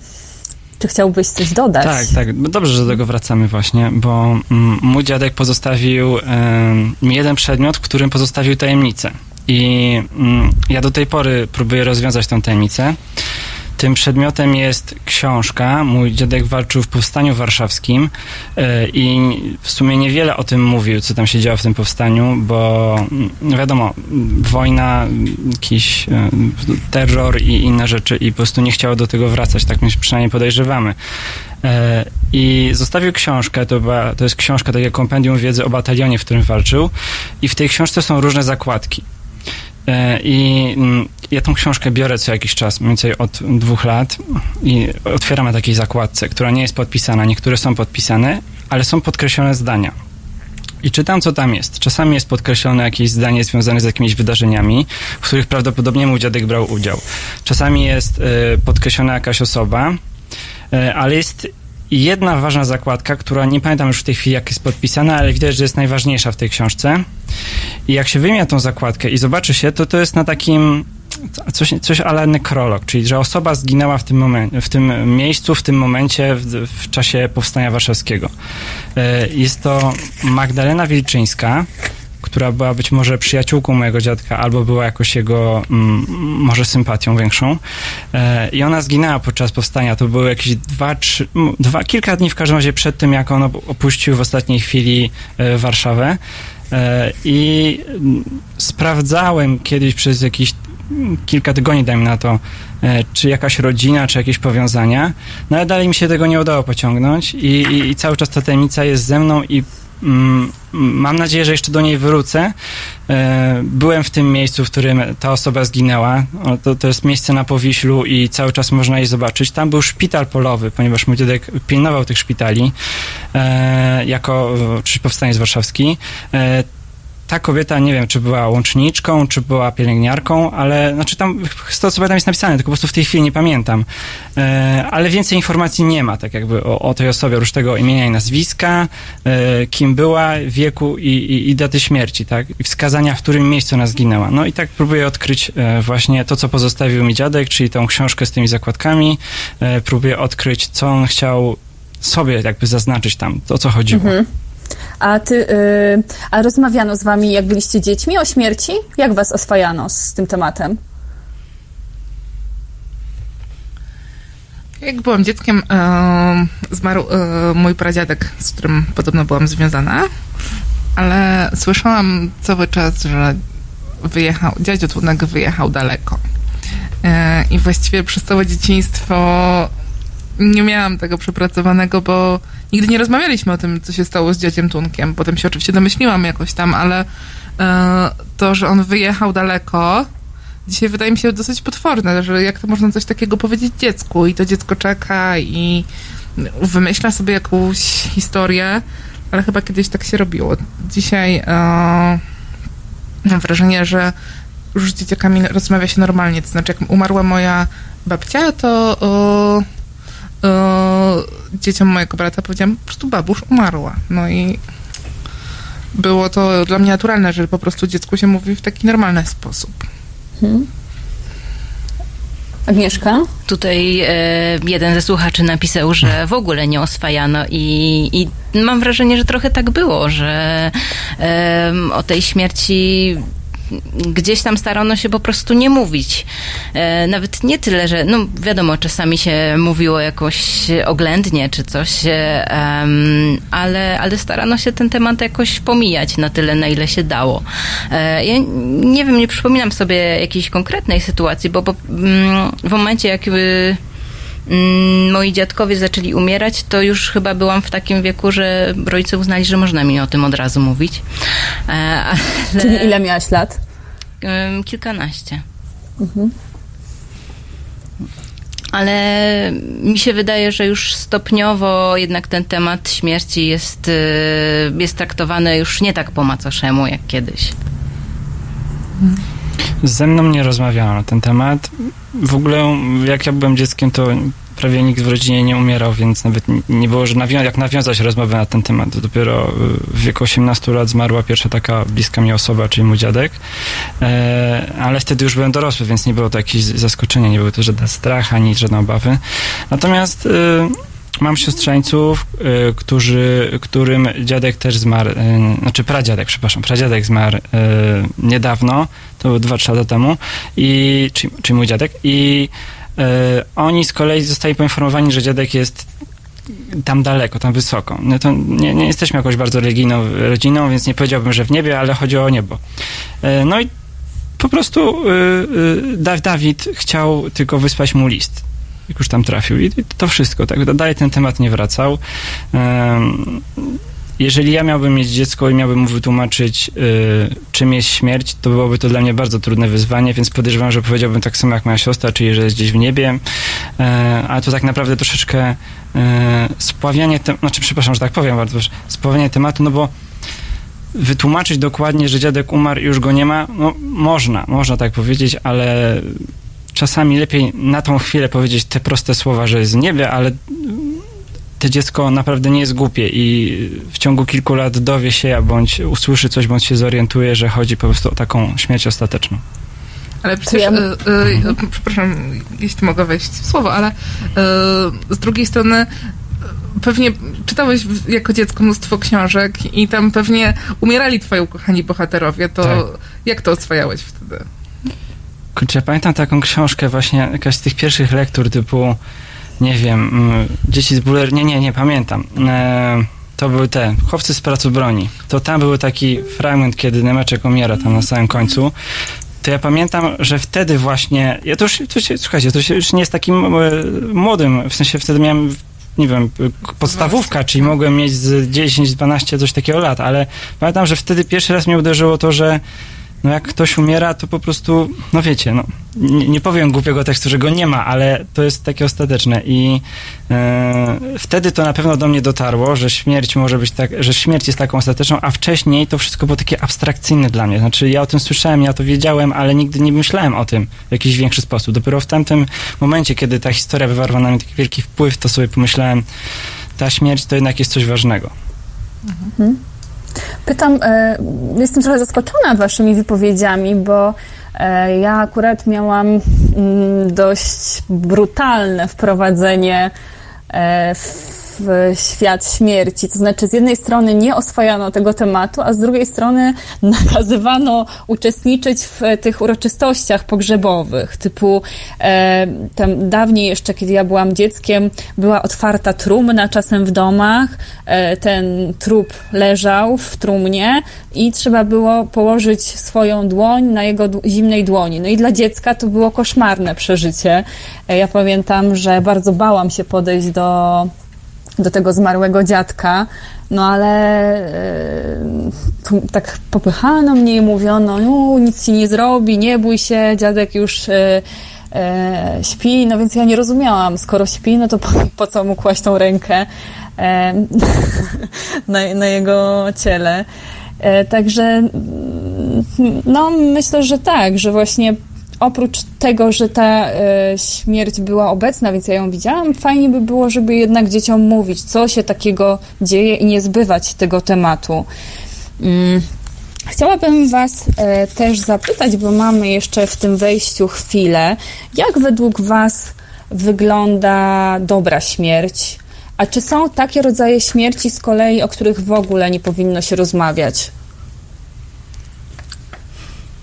Nie wiem, czy jest jakiś rodzaj śmierci, o której nie, nie powinno się rozmawiać. E, W ogóle idea tematu, o którym się nie powinno rozmawiać, to już jest dla mnie coś e, nie do końca zrozumiałego. Jeżeli ktoś ma taką potrzebę, żeby o tym rozmawiać, żeby coś wyjaśnić, to, e, to jak najbardziej dobrze podjąć ten temat, bo inaczej to będzie w nim rosło i, i będzie miał z tym kłopot. Em, Tak samo jest właśnie z rozmawianiem z dziećmi. Jeżeli się z nimi nie porozmawia, nie zaspokoi ich ciekawości, bo nie ukrywajmy, że dla dzieci to też jest po prostu ciekawe. I tak, tak jak my teraz rozmawiamy, no jest to dla nas temat ciekawy, więc rozmawiamy o tym. E, więc dlatego warto słuchać ich pytań. One zadają pytania do tego momentu, do którego się chcą dowiedzieć i niekoniecznie muszą znać wszystkie szczegóły i często nie dopytują o jakieś szczegóły, których mogłyby się bać. Em, mm, Także mm, myślę, że jak najbardziej dobrze, żebyśmy rozmawiali na tematy różnych śmierci. E, bo to też jest część oswajania tego. E, Jeżeli coś się stało, jeżeli był jakiś straszny wypadek, no to można do tego podejść e, może na, na jakieś naokrężnie, spróbować, e, jeżeli jakieś szczegóły tego nas sprawiają nam dyskomfort, natomiast warto jednak e, jakoś spróbować podejść do tematu. Milena, jakie jest zdanie, Twoje zdanie na, na ten temat? Jak O dobrej śmierci? E, tak, o dobrej śmierci i o takiej śmierci, o której się nie mówi. nie wiem, czy o jakiejś śmierci się nie mówi. Myślę, że... Tutaj e, pan ka, kapitan Stratford napisał, że z dzieckiem o brutalnym zabójstwie innego dziecka by nie rozmawiał. Mhm. No tak, ale jeśli to jest jakiś jego kolega, to trzeba mu powiedzieć, że on umarł jakoś. Nie trzeba oczywiście e, wchodzić w szczegóły, no ale też to dziecko powinno wiedzieć, że no, tego kolegi już nie ma, a nie, że po prostu wyjechał i go zostawił i nie odpisuje na, nie wiem, wiadomości na TikToku. E, więc jeśli chodzi o dobrą śmierć, Myślę, że dobra jest taka, kiedy y, jest się, nie jest się samemu i taka, w której jest się jakoś w miarę pogodzonym z tą sytuacją. Że nie jest tak, że ma się coś ważnego jeszcze do załatwienia albo y, nie wiem, jakieś y, ważne rozmowy nie są przeprowadzone. Y, I myślę, że to są te dwa warunki. Y, W tej książce chyba jest takie, to jest jedna z pierwszych rzeczy, o których on pisze, że 80% ludzi chciałoby umrzeć w domu, a tylko 20% ludzi umiera w domu, a, 20, a 80% ludzi umiera w szpitalu. Myślę, że e, ważne jest, żeby jednak e, być otoczonym bliskimi. Myślę, że ja to bym chyba wolała w domu niż w szpitalu. A jeżeli o mnie chodzi, to mm, zgadzam się tutaj z Mileną całkowicie, czyli to, żeby umrze, umrzeć wśród bliskich, najlepiej w domu, nie w szpitalu, e, ale zdecydowanie wśród bliskich. E, Natomiast jeżeli chodzi o śmierć, o, o której się nie powinno rozmawiać, bądź, no to trochę ten przykład tej śmierci, tego zabójstwa, tak, albo jakiejś innej brutalnej śmierci, albo przykrej śmierci. Może nie, nie chodzi o to, żeby nie rozmawiać, tylko że rozmawiać jest trudno, no bo tutaj przykład mi jakiś przychodzi taki kompletnie absurdalny, ale dajmy na to, że jest jakieś straszne morderstwo na tle na przykład seksualnym, no to trudno rozmawiać o tej śmierci tak po prostu e, odnosząc się do tego, jak ono faktycznie wyglądało. E, A z, ko- z kolei pogodzić się z tą śmiercią to nie jest prosta rzecz. To nie chodzi o to, że po prostu porozmawiać i się ktoś pogodzi, bo- bo doszło do zabójstwa. To jest, nie wiem, nazwałbym to złą śmiercią, skoro mówimy o dobrej śmierci, to jest też zła śmierć. I e, czasami może lepiej nie wiedzieć, nawet nie znać szczegółów tej złej śmierci, żeby się z nią po prostu pogodzić. E, Tak mi się wydaje, bo e, słyszy się o różnych brutalnych zabójstwach e, i chociażby właśnie z tego powodu, tak myślę o tym sobie, że niektóre szczegóły po prostu może lepiej ich nie znać. Ale myślę, że to nie, nawet nie jest pytanie, czy rozmawiać o śmierci, czy nie rozmawiać, tylko jak rozmawiać o tej śmierci. To znaczy, to, że ktoś e, stracił kogoś bliskiego w jakimś strasznym morderstwie, e, to nie znaczy, żebyśmy w ogóle nie rozmawiali o Tak, tym, tylko po prawda. prostu, bo nie możemy zostawić tej osoby, jeśli ona chce mówić o tej osobie, e, która zmarła. Nie możemy jej tak po prostu zostawić. A nie, nie znaczy to od razu, że nie wiem, musimy e, opowiadać to sobie tak jak e, w tabloidach. E, e, myślę, że nie, nie kojarzę, jak, znaczy nie wyobrażam sobie żadnej śmierci, o której z zasady nie, nie powinno się rozmawiać. Wydaje mi się też, że ogólnie ze śmiercią osoby bliskiej nam jest ciężko się pogodzić i to już nawet niezależnie od tego, w jaki sposób ona umrze, no ta żałoba jednak trochę trwa i to rozpamiętywanie i wspomnienia takie trudne, ciężkie chwile związane z tym, więc to nie o to chodzi, że ta rozmowa ma nam po prostu ułatwić pogodzenie się, żeby ta żałoba była krótka, e, ale po prostu, żebyśmy wiedzieli, żebyśmy mieli pewną jasność sytuacji. Ja myślę, że to jest taka przy, przywracanie pamięci o tej osobie też, że to, na, to przynosi ulgę, e, bo nie, nie rozmawiać zupełnie o czyimś śmierci e, wydaje mi się takim absurdem w tym stylu, jeżeli to jest bliska tobie osoba, to nie widzę w ogóle, e, dlaczego nie rozmawiać o śmierci tej osoby. No, rozmawiać tylko o życiu, no, nie, nie powinno się tak myśleć, że rozmawiamy tylko o, nie, nie powiem o dobrych rzeczach, ale o tych e, rzeczach, które nie sprawiają nam bólu. No, jeżeli śmierć często bliskiej osoby sprawia nam ból, ale jesteśmy z nią, możemy być z nią pogodzeni e, i ta rozmowa, tak jak mówię, no, no, ja wierzę w to, że po prostu e, to pomaga jakoś tak opaść emocjom. Ale powiem wam jeszcze, a propos e, tego, o czym tutaj rozmawiamy, co jest w tej książce, ale też czego ja doświadczyłam, obserwując te kolacje, o których pisze Michael Hebb, że te rozmowy o śmierci bardzo szybko e, zmieniają się w takie rozmowy o życiu, o miłości, bo tak naprawdę, jeśli rozmawiamy o śmierci nawet e, dzisiaj, to mam wrażenie, że e, najwięcej y, mówimy o tym, co jest dla nas ważne, jakie są y, dla nas wartości. Zwróćcie uwagę, ile mówiliśmy tutaj o rodzinie, y, jak to jednak jest cały czas ważne i y, i ta rozmowa o śmierci bardzo szybko staje się rozmową o życiu. No bo Bardzo. śmierć jest Tak. częścią życia, więc y, no możemy to spróbować jakoś ograniczyć, ale to nadal są tylko słowa. No śmierć po prostu kończy życie, ale jest jego częścią. To możemy Tak. od tego uciekać, ale tak prostu jest. Śmierć zawsze po nas przyjdzie, tak? Więc lepiej rozmawiać o tym, e, co, co nie jest takie ostateczne i znaczy, co wspominać może takie rzeczy, które się zdarzyły o w tym sensie. Nie są takie raz i koniec. A tę część audycji kończy, e, znaczy tę część tego wejścia, bo jeszcze potem będziemy mieli kilka minut na rozmowę. E, a teraz będzie piosenka The Decks Away, e, e, przepraszam, The Tuxedo Way, Tuxedo. E, I słyszymy się po niej i wracamy do naszej rozmowy o śmierci.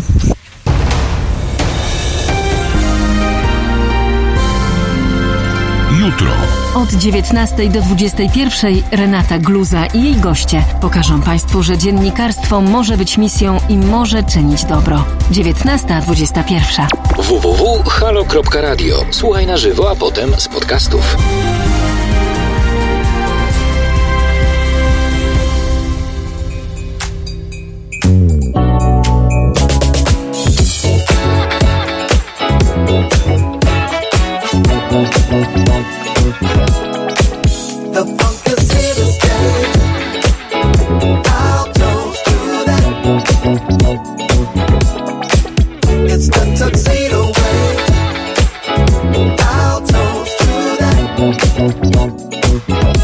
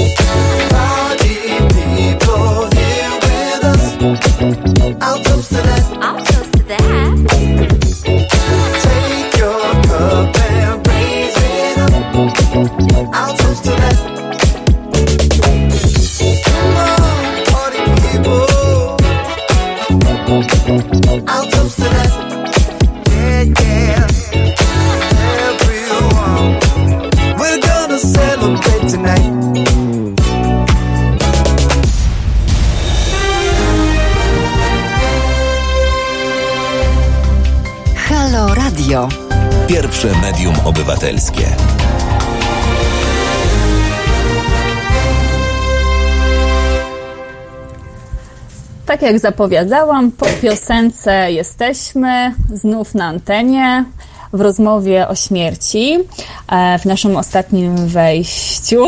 E, I chciałabym Was zapytać, e, co chcieli.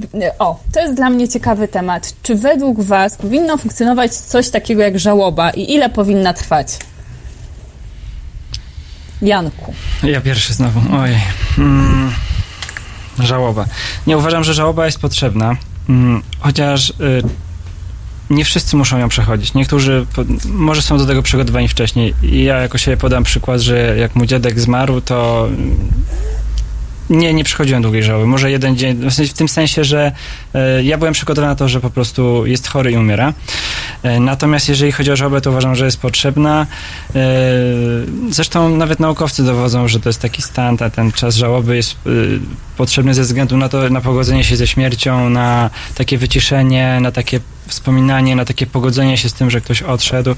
E, gorzej, jeżeli żałoba się przedłuża. Wczoraj słyszałem, że jeżeli żałoba się przedłuża dłużej niż dwa tygodnie, to jest już objaw depresji i wtedy mm, należy zainterweniować w takim wypadku. Był to dla mnie trochę szok, Dwa ponieważ... tygodnie? Tak, dwa tygodnie. Leka, lekarze uważają, że powyżej dwóch tygodni to już jest e, takie zaburzenie e, i e, prawdopodobnie jest to depresja albo jakiś rodzaj tego typu zaburzenia. I to był dla mnie szok, bo wydawało mi się, że na przykład nie, niektórzy mają starsi ludzie miesięczne żałoby, albo nawet pół roku, tak, chodzą oczywiście w tym sensie, ale dwa tygodnie to dość krótko, ale jednak chodzi o to, że ten stan, kiedy przez powyżej dwóch tygodni ktoś jest smutny, ktoś nie potrafi cieszyć się w żaden sposób życiem, ktoś e, cały czas wspomina tą osobę i płacze, i to już jest właśnie ten moment, kiedy trzeba pomyśleć o e, właśnie może jakiejś interwencji, może jakimś porozmawianiu z lekarzem, z kimś, e, z, z psychologiem, o to chodziło. Mi się wydawało że zawsze, że. Znaczy, po pierwsze, e, nie wiem, czy można wyznaczyć jakieś takie sztywne ramy żałoby. To znaczy, każdy przeżywa ją jakoś inaczej. I nie jest tak, że okej, jak jest pół roku, to dobrze, a jak 9 miesięcy, to źle. E, Więc to jest pewnie totalnie indywidualne. Natomiast mm, nie spotkałam się nigdy z tym, że to jest dwa tygodnie, bo nawet mówi się, że ten rok taki, jak się mówi, że jest rok po śmierci, to jest wtedy, kiedy się przeżywa wszystkie na przykład rytuały, czy jakieś święta, czy wakacje, pierwszy raz bez, bez tej osoby. I to jest takie oswajanie mm, tego braku. Więc e, zdziwiło mnie te dwa tygodnie. Tak, to jest.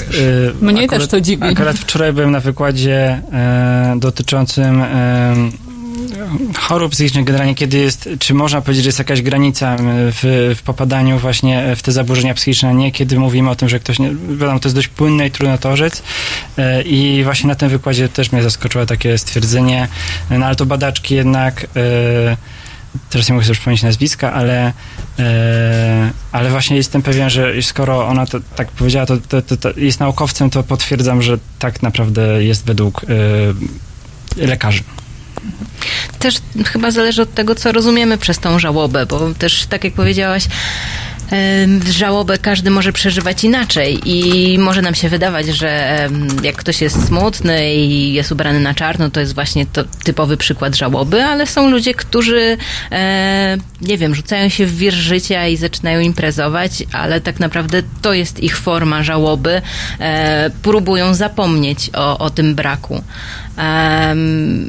I nie imprezują dlatego, że się cieszą, tylko po prostu po to, żeby jakoś sobie poradzić e, z daną sytuacją. E, Moi, Mhm. Ja w niektórych Mm. krajach chciałem powiedzieć, że po prostu nawet nie obchodzą żałoby. Znaczy, y, jest jakby u nas się, u nas, jak mówię, kulturowo się przyjęło, że jest ta żałoba, ale są takie kraje, w którym żałoba to jest okres takiego właśnie nawet też, że ludzie się cieszą, że ktoś zmarł, że już odszedł, że trafił do tego mm, miejsca, które w, w tej kulturze jest uważane za to miejsce, gdzie trafia ostatecznie. I e, jeżeli oni potrafią się cieszyć z tego, że ktoś umarł i, i, i cały czas ta, e, ta społeczność żyje, nie ma z tym problemów, to wydaje mi się, że e, no, każdy ma na to swój sposób e, i, i, i tak jak widać kulturowo to wynika z różnych czynników. Chciałabym Was jeszcze zapytać o e, ostatni posiłek, który chcielibyście zjeść przed śmiercią. E, tym bardziej, że sama jestem strasznie głodna w tym momencie. Czy zostaje I mam nadzieję, że to nie, E, to chyba nie jest wasz ostatni, znaczy mam nadzieję, że to nie są wasze ostatnie chwile e, przed śmiercią. Na pewno jest to koniec naszej dzisiejszej audycji i bardzo ciekawej rozmowy na temat śmierci, za którą wam serdecznie dziękuję. Wam, czyli Jankowi Królowi, reporterowi i specjaliście do spraw mediów społecznościowych, Milenie Rashid Szechab, e, redaktorce książki Porozmawiajmy o śmierci przy kolacji i Agnieszce Szymanik, poetce i sekretarzowi redakcji czasopisma literackiego Enigma. Z Państwem byłam dzisiaj ja ze światów Agnieszka Żądło i cieszę się już na nasze kolejne spotkanie e, w przyszłym tygodniu o godzinie 17 w piątek. Zapraszam serdecznie.